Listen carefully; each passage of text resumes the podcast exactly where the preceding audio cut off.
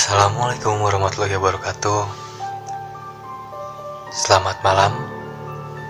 Selamat bergabung kembali di Scary Voice Podcast. Masih barengan saya Revi Fadilah dan di kesempatan yang baru ini saya akan kembali menghibur kalian dan tentunya mengisi waktu kalian apalagi belakangan ini kita semua kebanyakan sedang uh, berada di fase bekerja di rumah. Mungkin tidak semua pekerja akan bekerja di rumah, tapi untuk saat ini kebanyakan mengingat kondisi di luar sana akan menimbulkan banyak uh, resiko yang nantinya akan membuat kita terpapar dengan salah satu virus yang mungkin sudah tidak asing lagi untuk kita semua yaitu virus COVID-19 atau virus corona.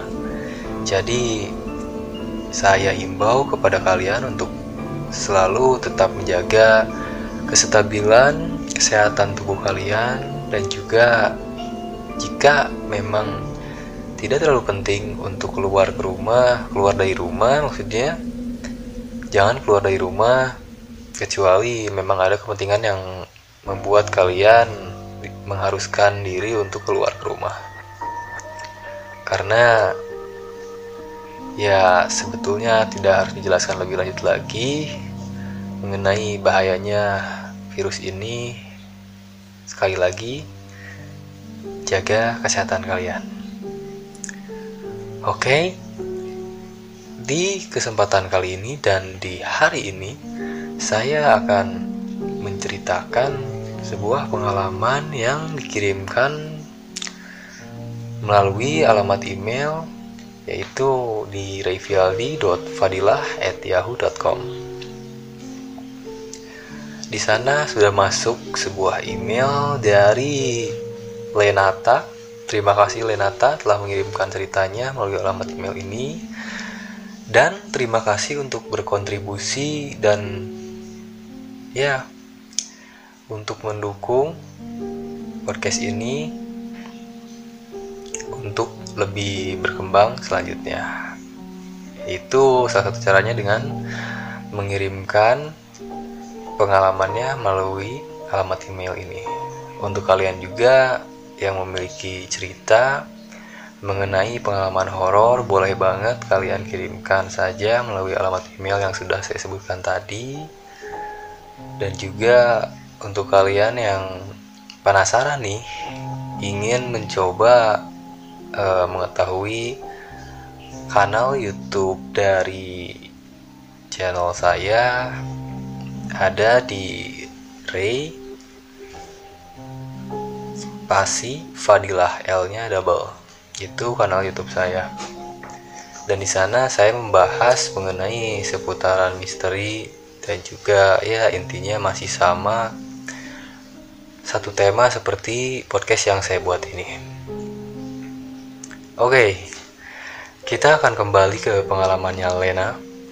Jadi di sini kita akan segera memasuki cerita dari pengalamannya Lena yang dialami di sebuah sekolah tepatnya di daerah Jakarta dan untuk beberapa alasan saya tidak akan menyebutkan uh, nama sekolahnya karena kalian pun pasti mengerti dan berikut adalah pengalamannya. Selamat mendengarkan.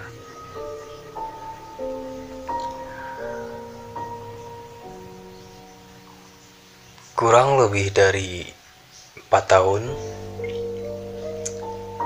yang lalu, saya sempat bersekolah di salah satu SMA di daerah Jakarta Barat.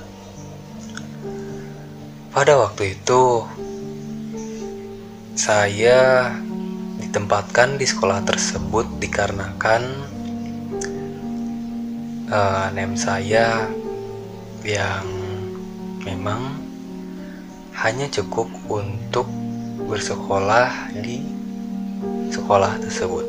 Tapi menurut saya pribadi, sekolah di mana pun itu sama.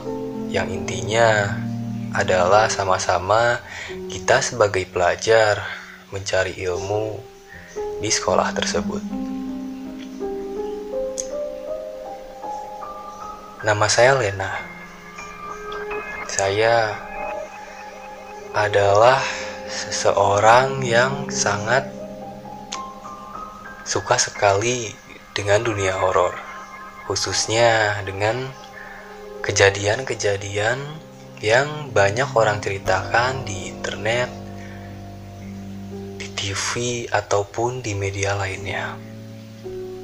Tapi, yang menjadi pertanyaan saya pada waktu itu adalah bagaimana jika kejadian menyeramkan itu terjadi kepada saya. Dan pada akhirnya, kejadian itu pun terjadi kepada saya.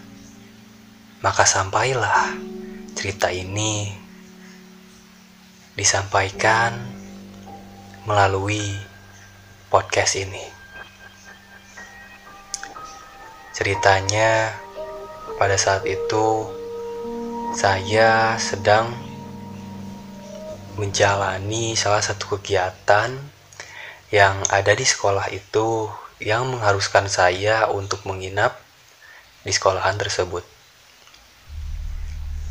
Karena saya memiliki rasa tanggung jawab yang besar terhadap kegiatan yang sudah saya jalani kurang lebih dua bulan saya sudah berada di organisasi di sekolah itu jadi terlebih lagi saya memiliki uh, sebut saja jabatan di organisasi itu yang cukup tinggi yaitu sebagai ketua otomatis membuat saya mengharuskan diri untuk menginap di sekolahan tersebut.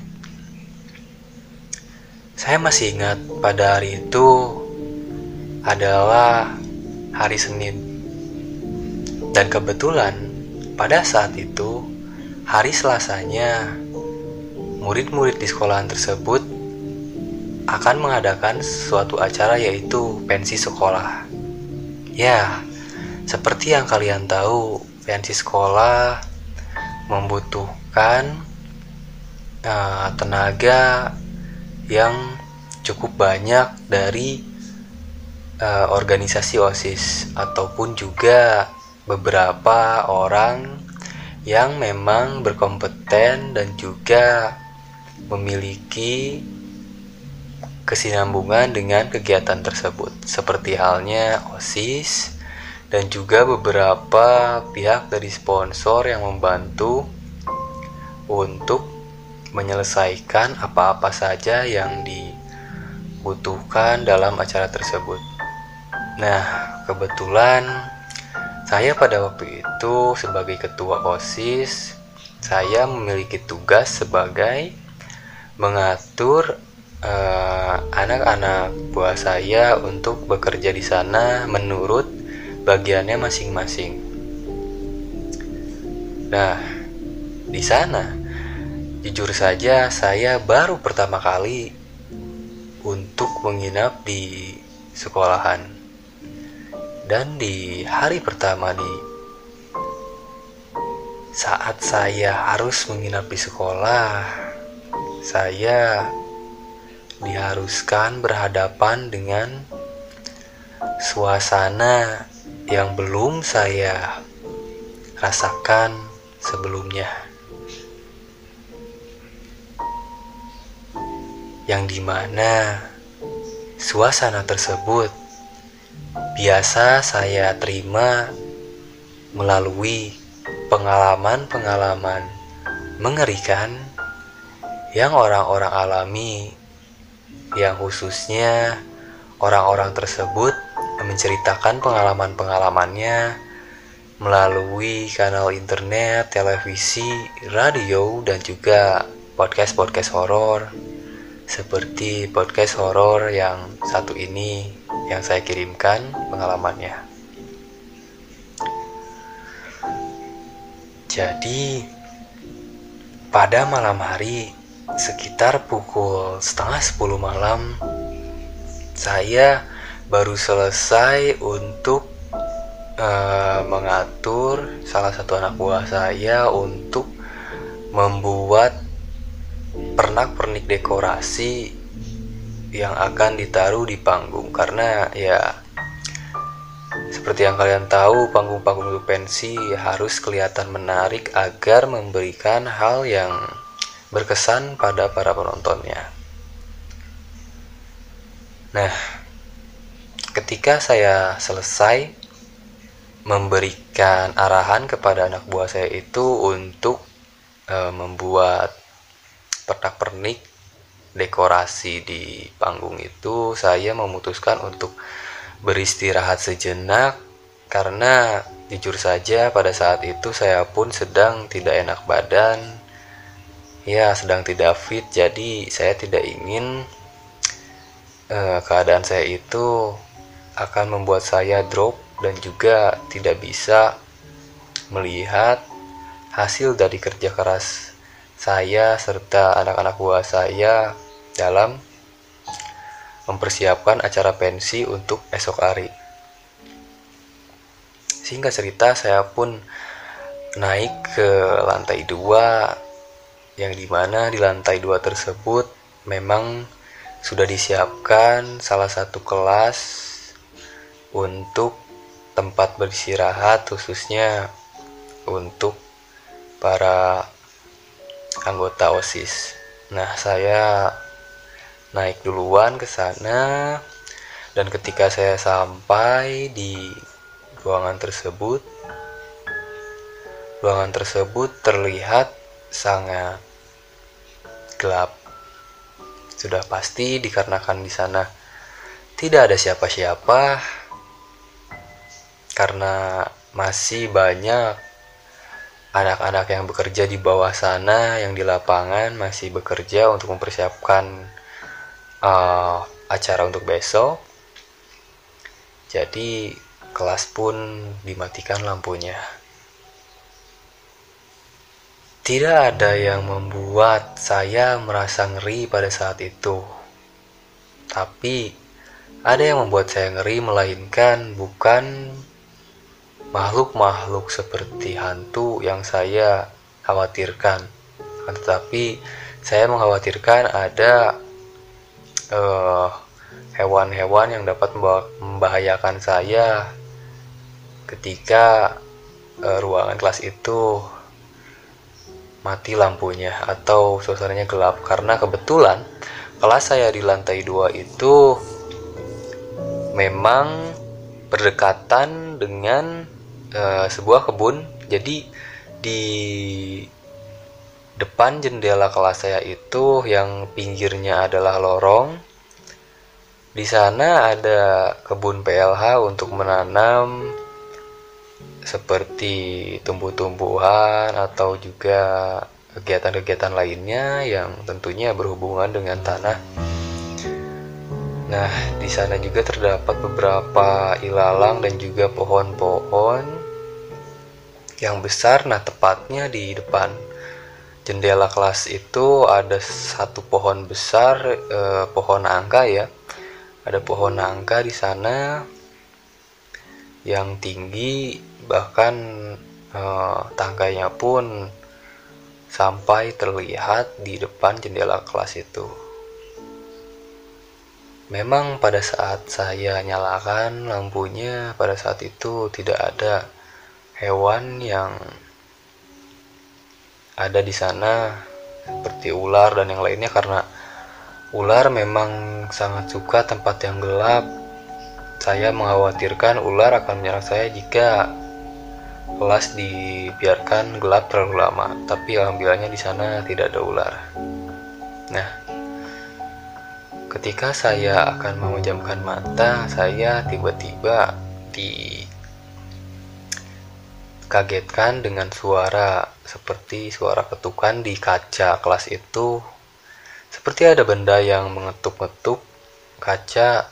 Mungkin saya pada awalnya berpikir bahwa suara itu adalah suara dari tangkai pohon yang memang dekat dengan jendela kelas saya itu mungkin karena ada angin mengadu tangkai itu sehingga dapat membuat kaca di kelas saya itu uh, tersentuh dengan tangkai pohon itu. Tapi ketika saya membuka mata saya dan melihat ke arah jendela, tidak ada angin yang saya rasakan juga pada saat itu, tapi Suara itu masih terdengar dengan jelas. Dan dengan jelas juga tangkai pohon di sana tidak bergerak sama sekali. Bahkan tidak sama sekali menyentuh kaca di kelas itu. Padahal jelas-jelas sumber suara berada tepat di arah tangkai pohon itu yang posisinya berada di depan jendela itu. Tapi dengan benar-benar sangat jelas saya tidak melihat tangkai itu menyentuh jendela kelas saya itu. Ketika saya menghampiri uh, jendela kelas itu karena saya penasaran, saya dek semakin mendekat dan mendekat kepada jendela itu dan Percaya tidak percaya untuk kalian yang mendengarkan cerita saya ini, saya tiba-tiba melihat sosok putih yang tiba-tiba muncul dengan perlahan di tangkai itu yang sedang duduk dengan wajah yang tidak terlihat karena tertutup oleh rambut panjangnya memakai baju putih lusuh, sedang mengadu-ngadukan kepalanya ke jendela kelas saya itu. Saya pada saat itu tidak bisa berkata apa-apa karena terus terang saya baru pertama kali mengalami hal tersebut. Sampai akhirnya saya tidak lama dari itu tidak sadarkan diri. Singkat cerita, saya pun sadar setelah saya pun menyadari pada saat itu saya sudah tidak ada di kelas tersebut. Saya sedang berada di ruang UKS yang tepat berada di dekat lapangan dan Sedikit informasi untuk kalian, saya bangun atau baru sadar sekitar pukul jam 4 subuh atau ya ketika azan subuh pun sudah terdengar di telinga saya. Pada saat itu teman-teman saya mengatakan bahwa saya ditemukan pingsan di kelas tersebut dengan uh, wajah yang sangat pucat, dan juga badan yang sangat kaku. Terus terang saya tidak tahu apa yang terjadi pada saya pada saat kondisinya seperti itu. Saya pun diberitahu oleh salah satu orang di sana yang membantu menyadarkan saya. Dia berkata bahwa saya mungkin telah diganggu oleh sosok penunggu yang telah menghuni lama di pohon dekat dengan kelas di mana saya beristirahat tadi. Kebetulan teman saya itu adalah seorang indigo. Ya, teman saya itu dipercaya sebagai seorang indigo dan mengetahui bahwa saya telah diganggu oleh sosok tersebut. Bahkan pada saat di mana saya telah ditemukan sadar di sana juga ada sosok wanita atau yang biasa disebut dengan sosok kuntilanak. Di sana juga saya masih diikuti oleh sosok tersebut dan teman saya pun mencoba untuk mengusirnya dan ya pada akhirnya teman saya pun berkata bahwa sosok itu mengikuti saya karena Sosok tersebut ingin mengganggu saya dikarenakan juga karena sikap saya yang tidak sopan menurutnya telah beristirahat di tempatnya. Untuk kalian yang belum pernah mengalami hal ini, semoga saja Hal ini hanya dialami oleh saya, walaupun saya tahu mungkin kalian pun pada saat ini sedang ditemani oleh sosok-sosok astral yang sedang menemani kalian mendengarkan podcast ini.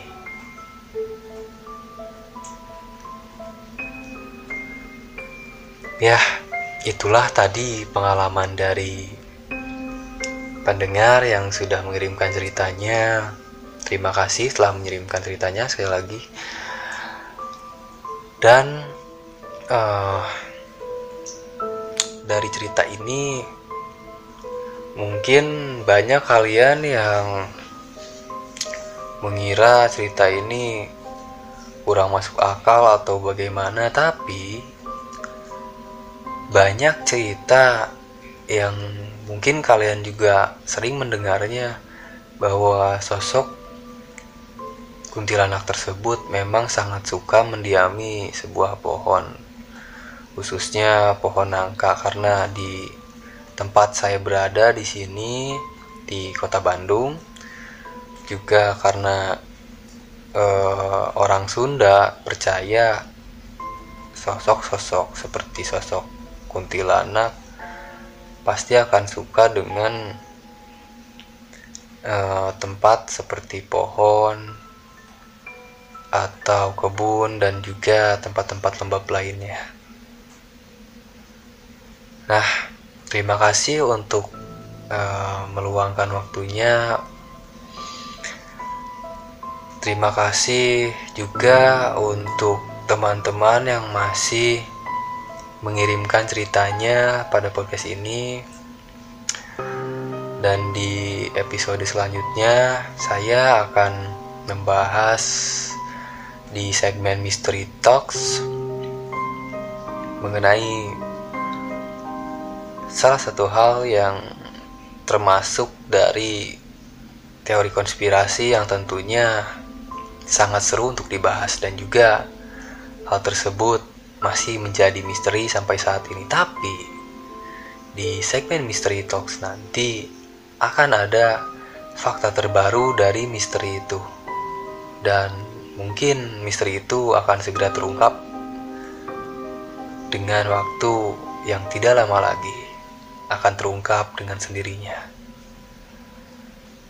Selamat malam kepada kalian yang masih mendengarkan podcast podcast ini.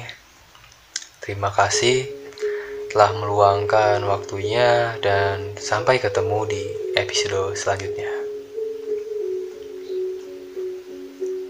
Wassalamualaikum warahmatullahi wabarakatuh.